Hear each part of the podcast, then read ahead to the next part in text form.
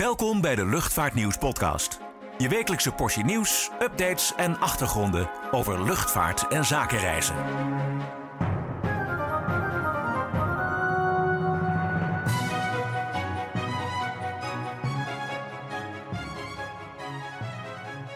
Welkom bij weer een nieuwe aflevering van de Luchtvaartnieuws podcast vanuit de base op Schiphol. Mijn naam is Nick van Nooy en tegenover mij zit Klaas-Jan van Voerkom. Zoals altijd bespreken we weer diverse actuele onderwerpen uit de luchtvaartwereld. Met deze week de verrassende overname van Fokker Services en Fokker Techniek, nieuwe routes voor Eindhoven en Maastricht, de terugkeer van KLM naar London City, hoe zelfstandig is KLM Cityhopper en het nieuwe supersonische verkeersvliegtuig van Aerion. Maar we beginnen met Fokker. Het is alweer 25 jaar geleden dat Fokker failliet werd verklaard. Sindsdien werden er geen vliegtuigen meer gebouwd, maar bleef een aantal voormalige bedrijfsonderdelen nog wel actief, waaronder Fokker Services en Fokker Techniek. Deze week werd bekend dat die weer in Nederlandse handen komen.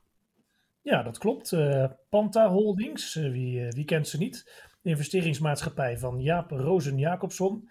Die, die heeft die onderdelen gekocht van het Britse GKN Aerospace, dat sinds 2015 eigenaar was. Wat doen Fokker Services en Fokker Techniek eigenlijk nog? nieuwe Fokkers worden er dus al sinds 1996 niet meer gebouwd op Schiphol. Nee, klopt. Um, ja, ze doen eigenlijk nog best wel heel veel achter de schermen. Ze houden zich enerzijds bezig met het in de lucht houden van de wereldwijde Fokker-vloot. Uh, maar ze zijn ook actief in het onderhoud en modificaties aan bijvoorbeeld Airbus A320's en Boeing 737's. Ja, en Jaap Roze Jacobsen, dat, uh, dat lijkt echt iemand die iets met Fokker te maken heeft, hè? Ja, schijnbaar ja, trekt dat toch, blijft dat trekken. Panta Holdings was vroeger eigenaar van VLM Airlines dat is later aan eh, CityJet eh, verkocht, eh, wat weer van Air France KLM was. En die, die vlogen met Fokker 50's. En ook richtte, richtte hij in 2003 uh, Rekhoff op. Dat is Fokker, maar dan andersom gespeld. Uh, ja, en sinds 2003 roept hij dus ook al uh, dat hij daarmee weer nieuwe Fokkers gaat bouwen. Ja, hoe staat het daar eigenlijk mee?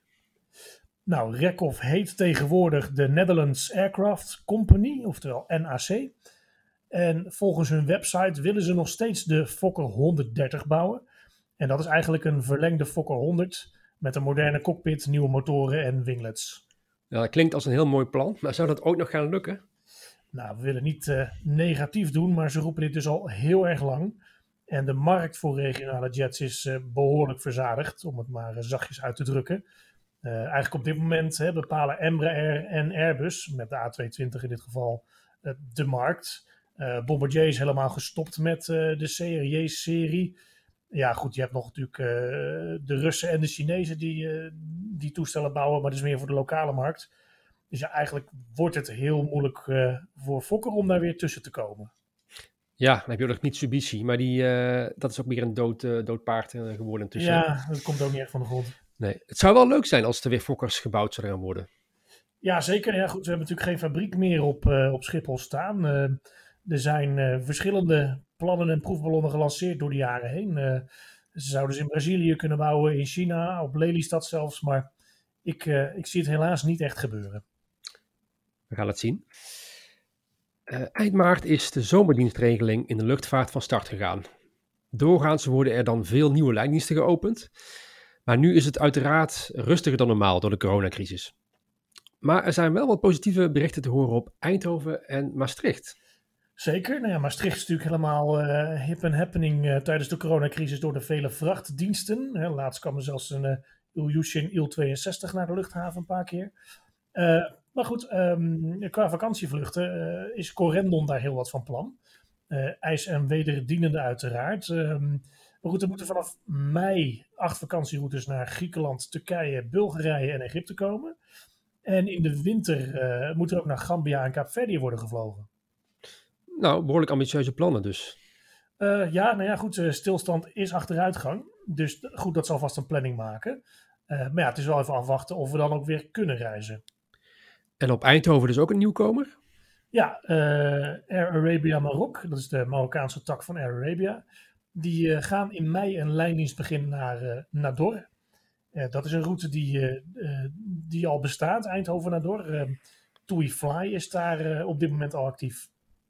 Ja, opvallend is wel dat er alleen maar vakantievluchten op Eindhoven Airport bij lijken te komen. Terwijl de luchthaven zelf er ook steeds hamert op het belang van zakelijke bestemmingen.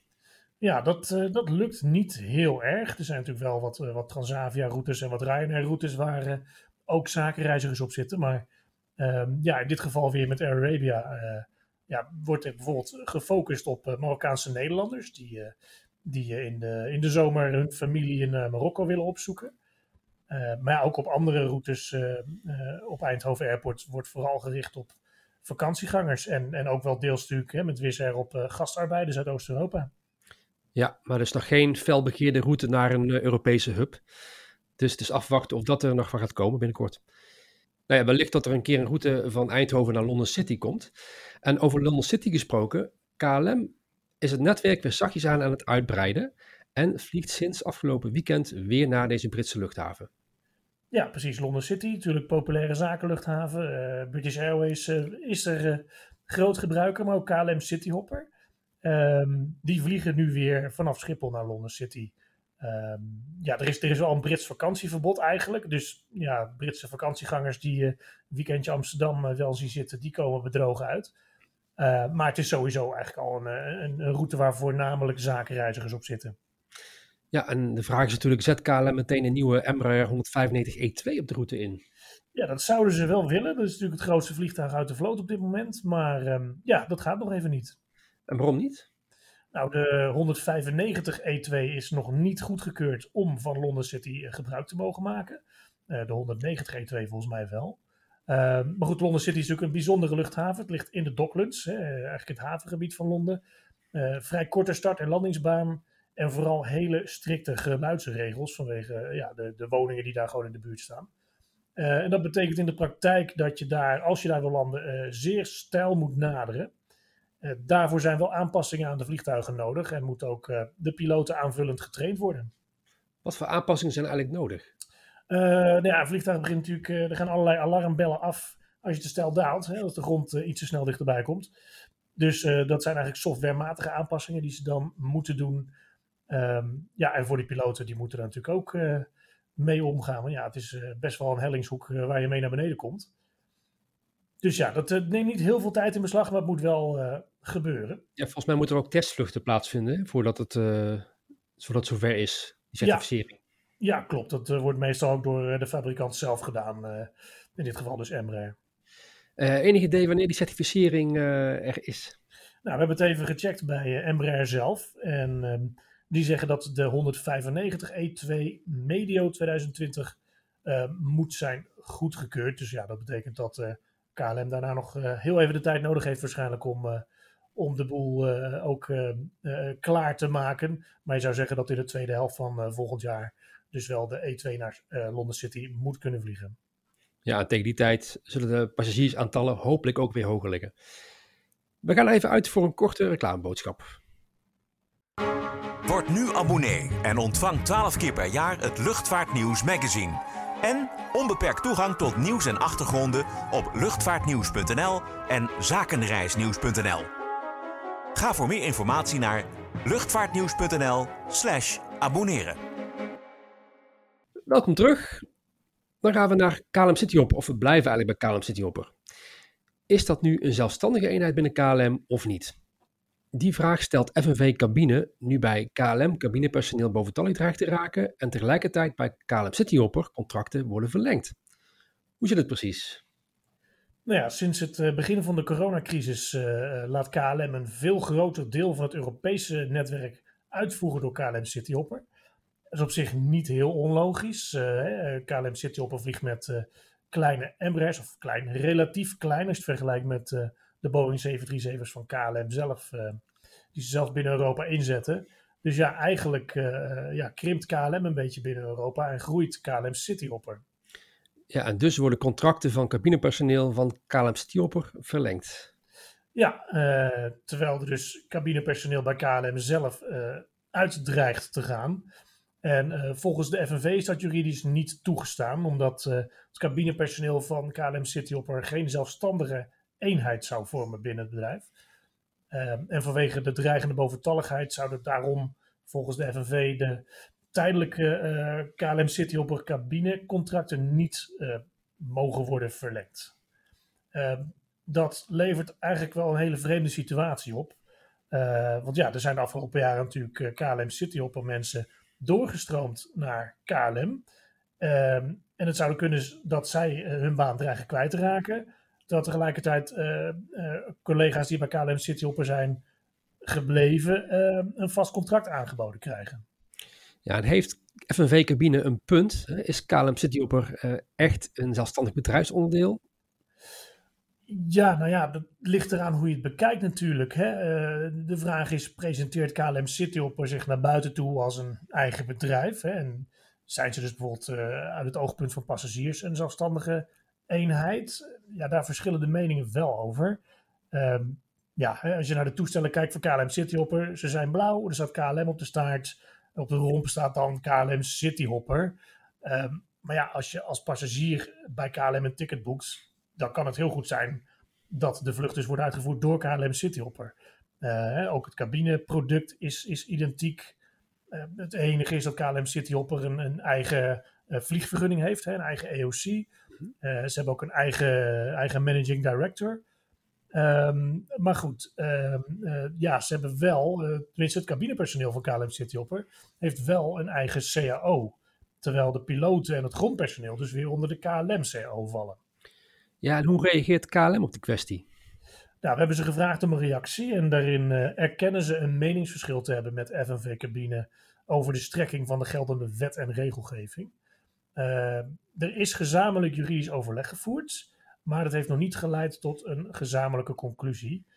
Um, het voorstel van de FNV om dus nu het vraagstuk uh, voor advies naar de rechter te brengen, dat heeft KLM nog in beraad. Ja, wordt ongetwijfeld vervolgd. Met een snelheid van Mach 4, ofwel 4900 km per uur, door het luchtruim zuizen. Het klinkt als verre toekomstmuziek, maar volgens de Amerikaanse vliegtuigbouwer Aerion kan het over 10 jaar al zover zijn. Het bedrijf onthulde deze week plannen voor de ontwikkeling van de AS-3, een supersonisch verkeersvliegtuig. Wat is er al bekend, Klaas-Jan? Nou, nog niet uh, heel erg veel eerlijk gezegd. Um, Aerion zegt dat de AS-3 revolutionaire technologie zal herbergen. Uh, zo moet het toestel zuiniger en sneller zijn dan de supersonische jets die er tot dusver waren. Dat waren er niet zo heel veel natuurlijk. Nee, de Concorde uh, en de Tupolev 144. Ja, precies. Nou, die Tupolev was absoluut geen succes. De Concorde beperkt. Uh, maar goed, in de AS3 zouden er 50 passagiers mee moeten kunnen. Dus wel wat minder dan in de Concorde. Um, maar goed, wel een vliegbereik van 13.000 kilometer en dus een snelheid van Mach 4. Ja, dat klinkt wel erg ambitieus allemaal natuurlijk. Maar Arion is wel een serieuze partij. Zeker een serieuze partij. Uh, ze zijn al uh, flink wat jaren bezig met de AS-2. Dat is een uh, supersonische zakenjet die over twee jaar in productie moet gaan. En NetJets die plaatsen daar onlangs nog een order voor. Um, die AS-2 krijgt een kruissnelheid van slechts Mach 1,6 overigens. En um, bij de ontwikkeling van de AS-2 werkt Arion samen met Boeing en General Electric. En bij de AS3, die is dus groter, is NASA een samenwerkingspartner. Um, eerder dit jaar breidde Arion een uh, bestaande samenwerking met het Langley Research Center van NASA uit. Met als doel om binnen afzienbare tijd hoge snelheidsvluchten te realiseren. Uh, met dus de nadruk op verkeersvliegtuigen die tussen de Mach 3 en Mach 5 kunnen halen. het doel van Arion is om de reistijd tussen eigenlijk alle plekken op aarde te beperken tot maximaal drie uur. Nou, dat is natuurlijk heel wat. Uh, supersonisch vliegen is um, volgens topman Tom Weiss slechts een begin. Ze willen echt zoeken naar de grenzen van wat mogelijk is. En met de AS3 willen ze technologie verder uitbouwen en een, uh, ja, een heel breed publiek aanspreken. Ja, je zou bijna zeggen van, uh, ze mikken dan op termijn op ruimtevluchten als je zo snel wil vliegen. Binnen drie uur. Ja. Dat is echt heel erg snel. Maar hoe schat jij die kansen in? Supersonisch vliegen in tijden van beperking van CO2-uitstoot ligt nou niet direct voor de hand. Nee, nee, goed, kijk, wat je met de Concorde had uh, hè, destijds, al tientallen jaren geleden, is dat er toen al klachten waren over uh, geluidsoverlast. Het ding maakte een partij uh, herrie, of ik moet eigenlijk zeggen geluid, ehm, bij het opstijgen. Ja. Um, En ik weet niet of je die rookpluimen wel eens hebt gezien, die gelige rook achter de Concorde. Maar ja, dat is niet alleen maar goed voor het milieu. Dus ja, dat is wel een ding waar, uh, waar Aerion rekening mee moet houden. Zeker ook aangezien airlines nu uh, behoorlijk moeten bezuinigen. Dus ook uh, niet graag een forse brandstofrekening willen hebben. Mm -hmm. Dus een van de belangrijkste dingen waaraan gewerkt moet worden is de aandrijving. Hey, hoe gaan ze dat doen? Hoe krijg je zulke zuinige motoren, of eigenlijk zulke krachtige motoren, die tegelijk zuinig zijn en ook nog een acceptabele CO2-uitstoot hebben?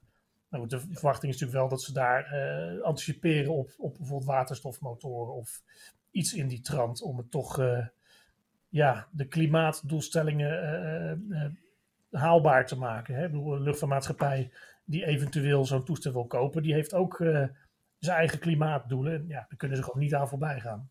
Ja, overigens is Aerion niet het enige bedrijf dat bezig is met de ontwikkeling van een supersonisch verkeersvliegtuig. Boom Supersonic werkt aan de Overture en op de Concorde gelijk een toestel dat een snelheid van Mach 2,2, dat is zo'n 2700 km per uur, uh, moet kunnen halen. Een, een prototype op schaal moet dit jaar voor het eerst gaan vliegen. Dat was het weer voor deze week. Zoals altijd, check het laatste luchtvaartnieuws op luchtvaartnieuws.nl en kijk ook op zakenreisnieuws.nl voor al het zakelijke reisnieuws. En vergeet u niet te abonneren op deze podcast. Tot de volgende keer.